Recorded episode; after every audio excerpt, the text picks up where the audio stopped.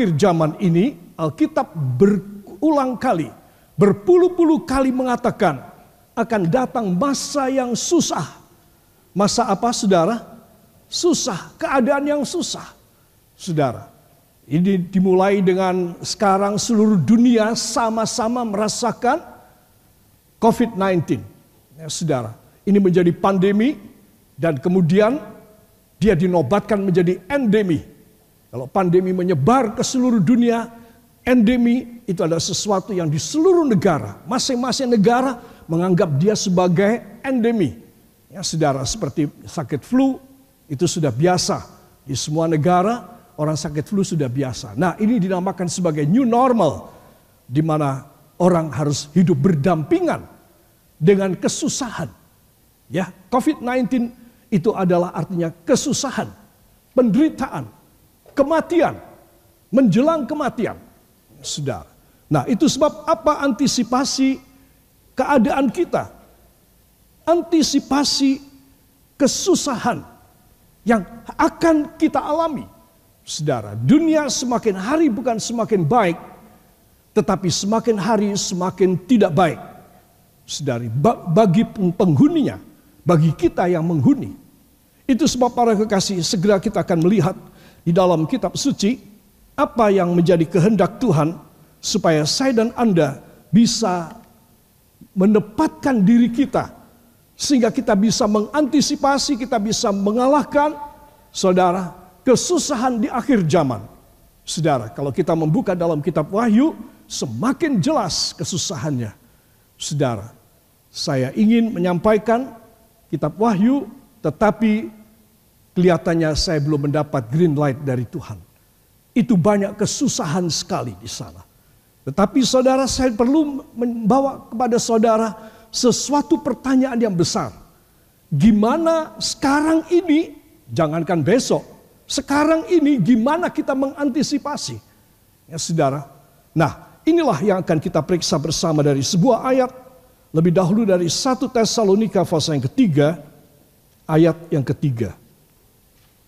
1 Tesalonika pasal 3 ayat yang ketiga para kekasih. Satu, dua.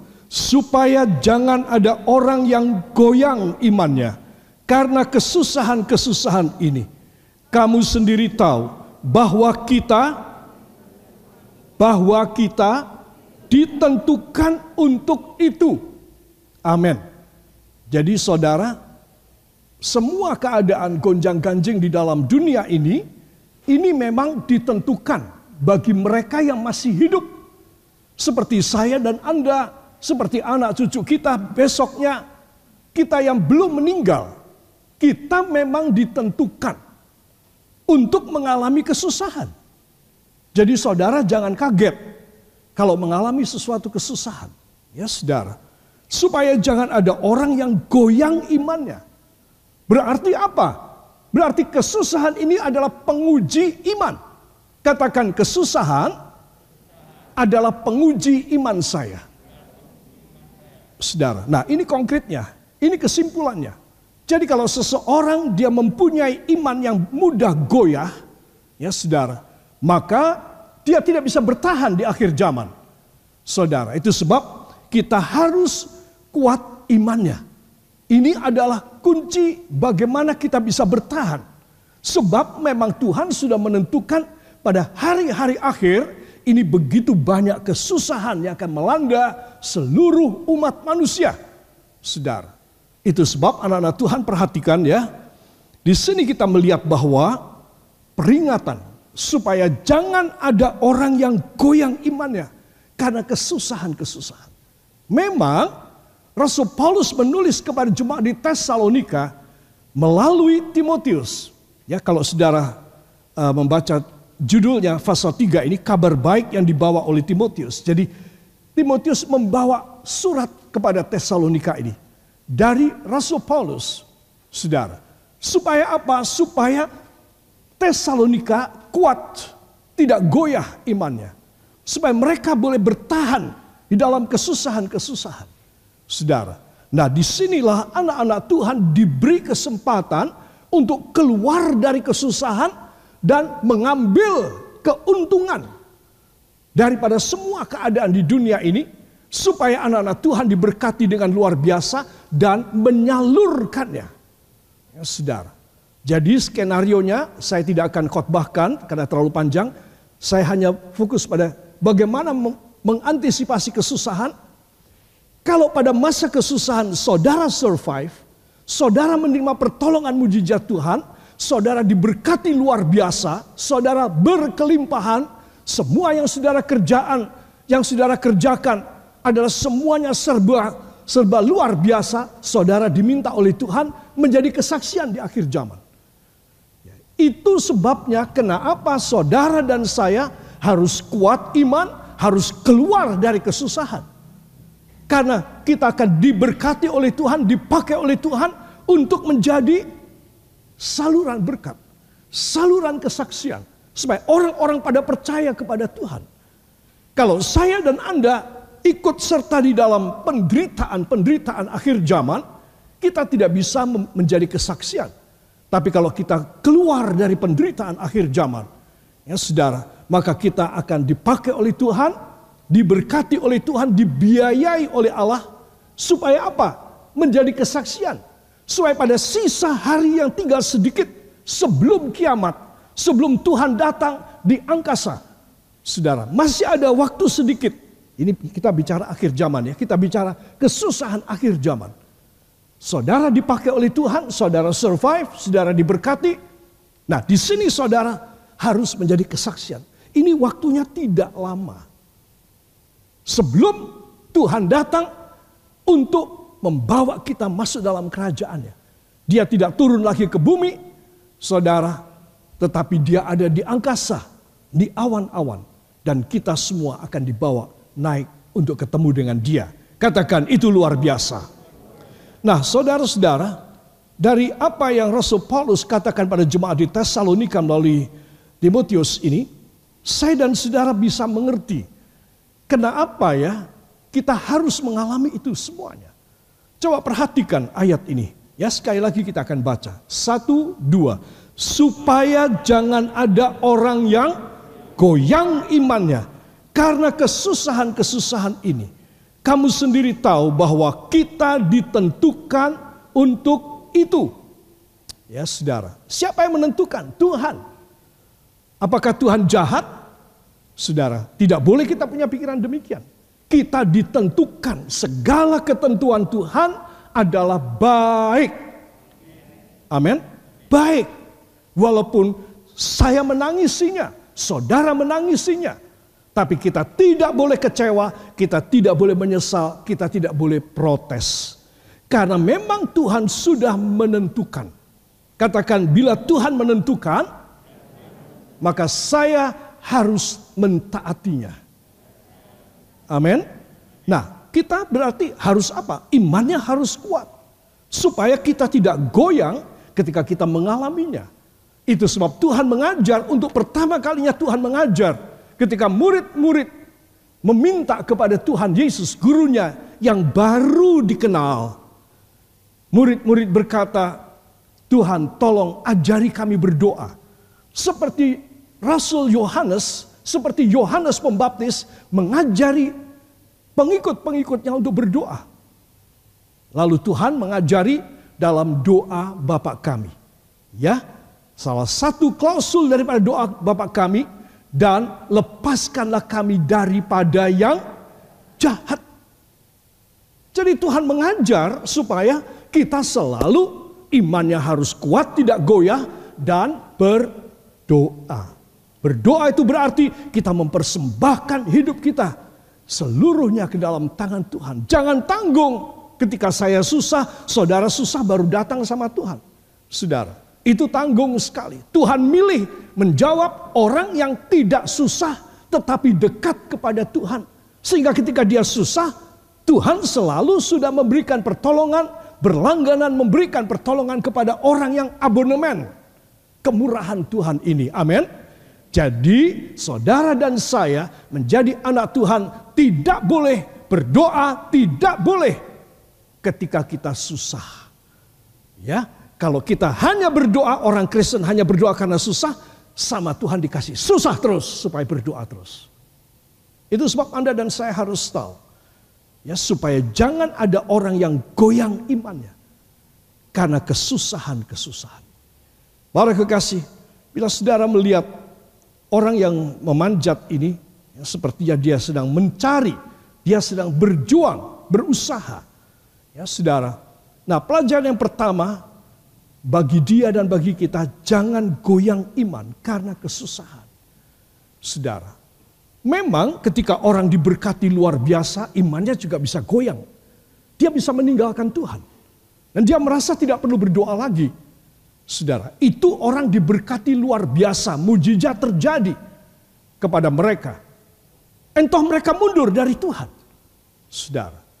Nah, di sini kita melihat jangan goyang karena apa pun, termasuk karena kesusahan. Kedua, harus menerima ketentuan dari Tuhan. Katakan, saya harus menerima ketentuan dari Tuhan. Walau bersifat susah. Amin. Nah, di situ Tuhan melihat hati kita. Kalau Tuhan melihat dan menilai hati kita, waktu senang kita tetap setia, Waktu susah kita juga tetap setia. Bagi orang ini bagi kita no problem. Tidak ada masalah. Tidak ada masalah yang gede bagi orang ini. Karena dia selalu ada di dalam Tuhan Yesus. Amin. Dan dia selalu akan menerima pertolongan dari Tuhan yang luar biasa. Para kekasih, di sini saya ingin menunjukkan pada saudara murka Allah yang mendatang. Ya saudara, Mungkin saudara berkata, wah saya tidak mau ngalamin ini. Berdoa dong ya. Nah murka itu ya di, ada tiga bagian besar dalam kitab Wahyu. Tujuh meterai dibuka. Ya, Wahyu pasal 6 ayat 1 sampai 8. Pasal 6 ayat 1 sampai pasal 8 ayat yang ke-6. Kedua, tujuh nafiri trompet ditiup. Wahyu 8 ayat 7 sampai 11 ayat 9. Dan yang ketiga, tujuh cawan dituang, tujuh bokor dituang. Isinya tiap bokor adalah murka Allah. Katakan murka Allah. Jadi usah isinya bukan berkat, bukan roh kudus, tapi murka. Saudara, tujuh, ada tujuh. Saudara bisa bayangkan, saya tidak bisa bayangkan. Kayak apa dunia kita dan penduduk manusia di dunia ketika tujuh bokor itu satu demi satu dituang isinya. Saudara, mengerikan kan? Nah, jadi ini yang akan datang. Berbahagialah mereka yang sudah pulang ke rumah Bapak lebih dahulu. Amin. Itu sebab saudara dan saya harus sudah menyiapkan kapan kita dibawa pulang ke rumah Bapak atau kita ditentukan untuk menanti kedatangannya dia hidup-hidupan. Tetapi saya yakinkan saudara, siapa pun yang sungguh-sungguh kepada Tuhan akan dihindarkan dari 21 macam bencana yang dahsyat yang akan terjadi di muka bumi. Yang percaya beri tepuk tangan bagi dia. Haleluya. Para kekasih, masih mau karas kepala? Ya, saudara tahu bahasa ini? Karas kepala. Apakah masih mau keras kepala? Banyak orang Kristen yang keras kepala dan tidak mau menundukkan dirinya kepada kehendak Tuhan, tidak mau setia kepada Tuhan. Ya saudara, dia pikir kalau aku mau mati baru aku dekat sama Tuhan. Kalau aku sudah sakit, nah aku baru dekat mencari Tuhan. Saudara, di dalam Alkitab Siapa pun yang mencari dia, dia akan menemui. Tetapi bukan cuma keinginan Tuhan menemui orang-orang saja. Jangan lupa di dalam Alkitab juga disebutkan bahwa Allah mengeraskan hati orang. Waduh. Kenapa orang ini dikeraskan hatinya? Karena dia sombong.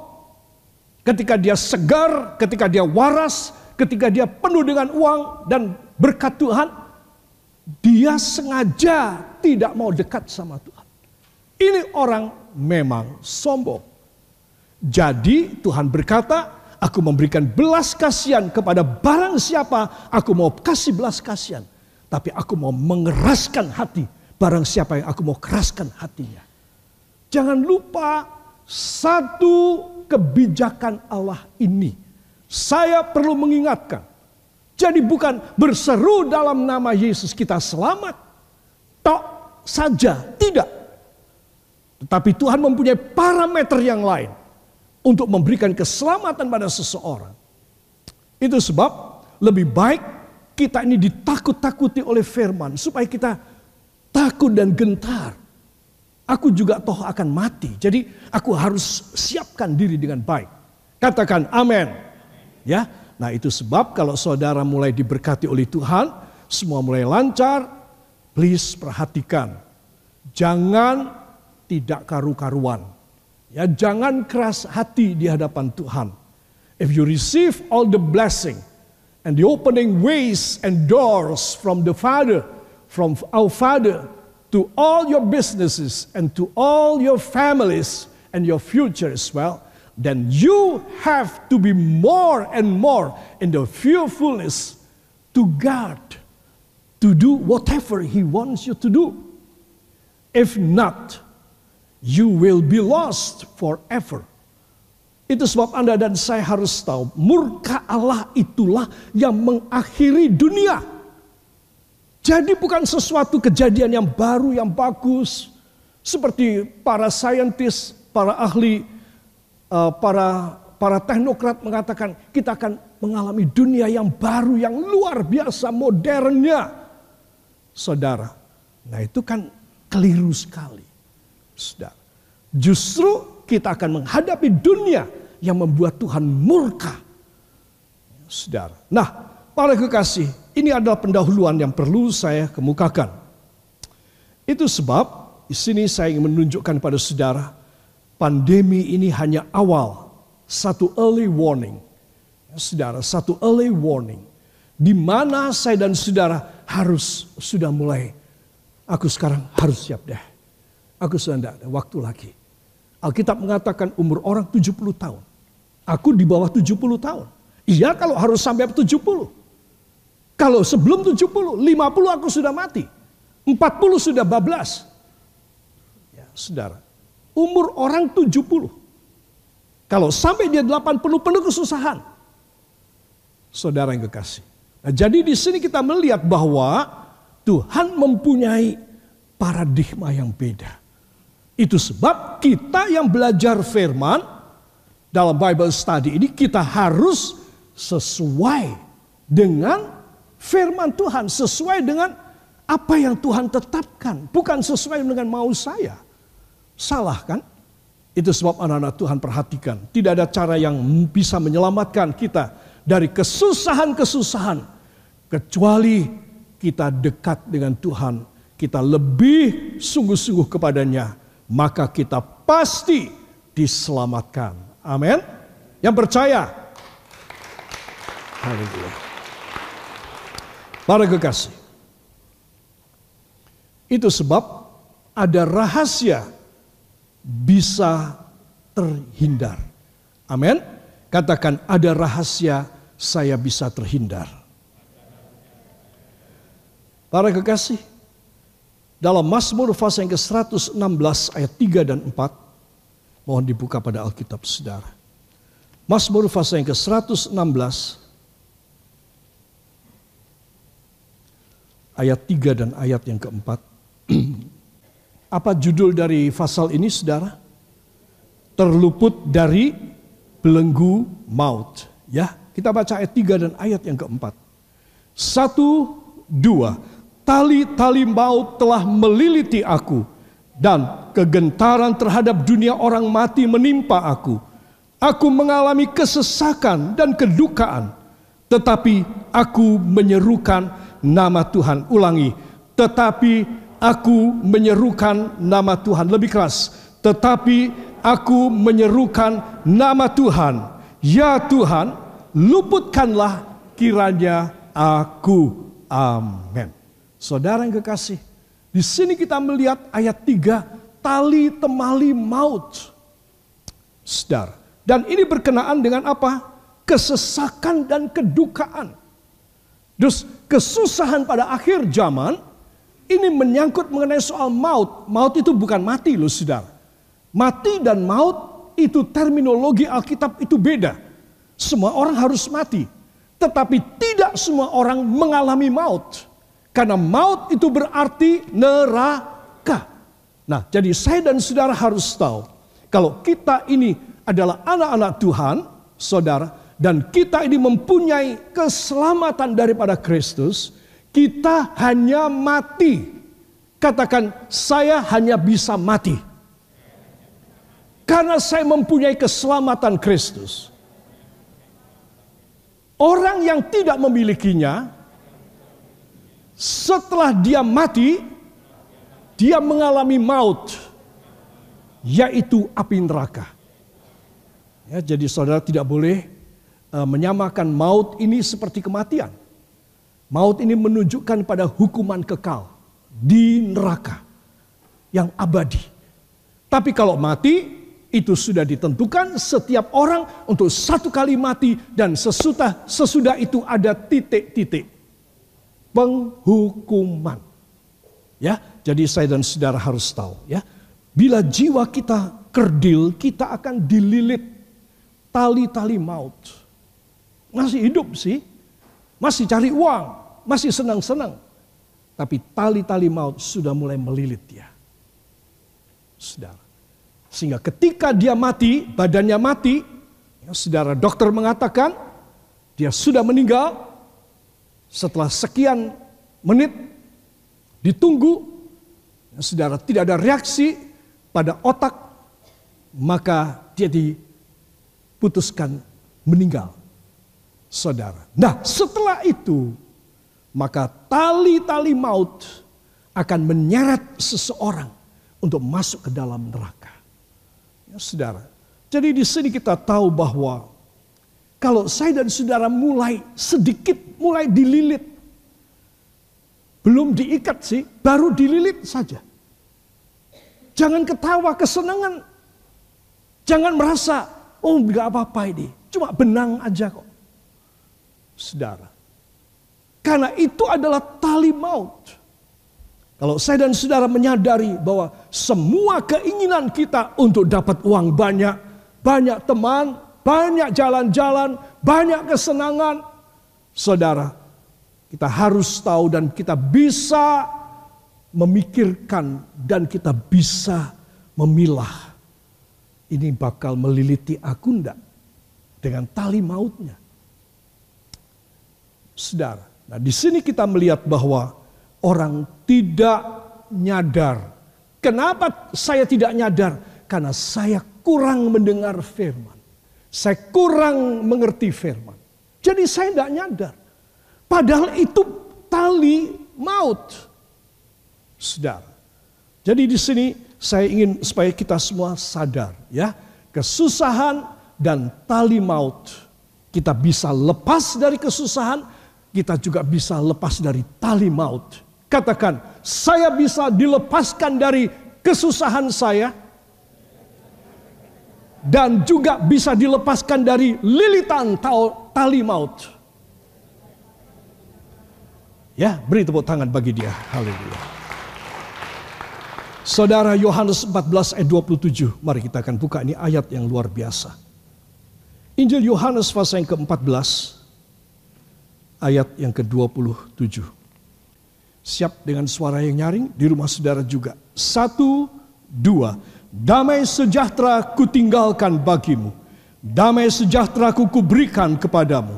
Dan apa yang kuberikan tidak seperti yang diberikan oleh dunia kepadamu Janganlah gelisah dan gentar hatimu. Janganlah gelisah dan gentar hati. Saya tadi sudah menunjukkan, saudara, tentang lilitan tali-tali maut. Saudara, 1 Tesalonika 3 ayat 3. Kesusahan-kesusahan yang ditentukan oleh Tuhan.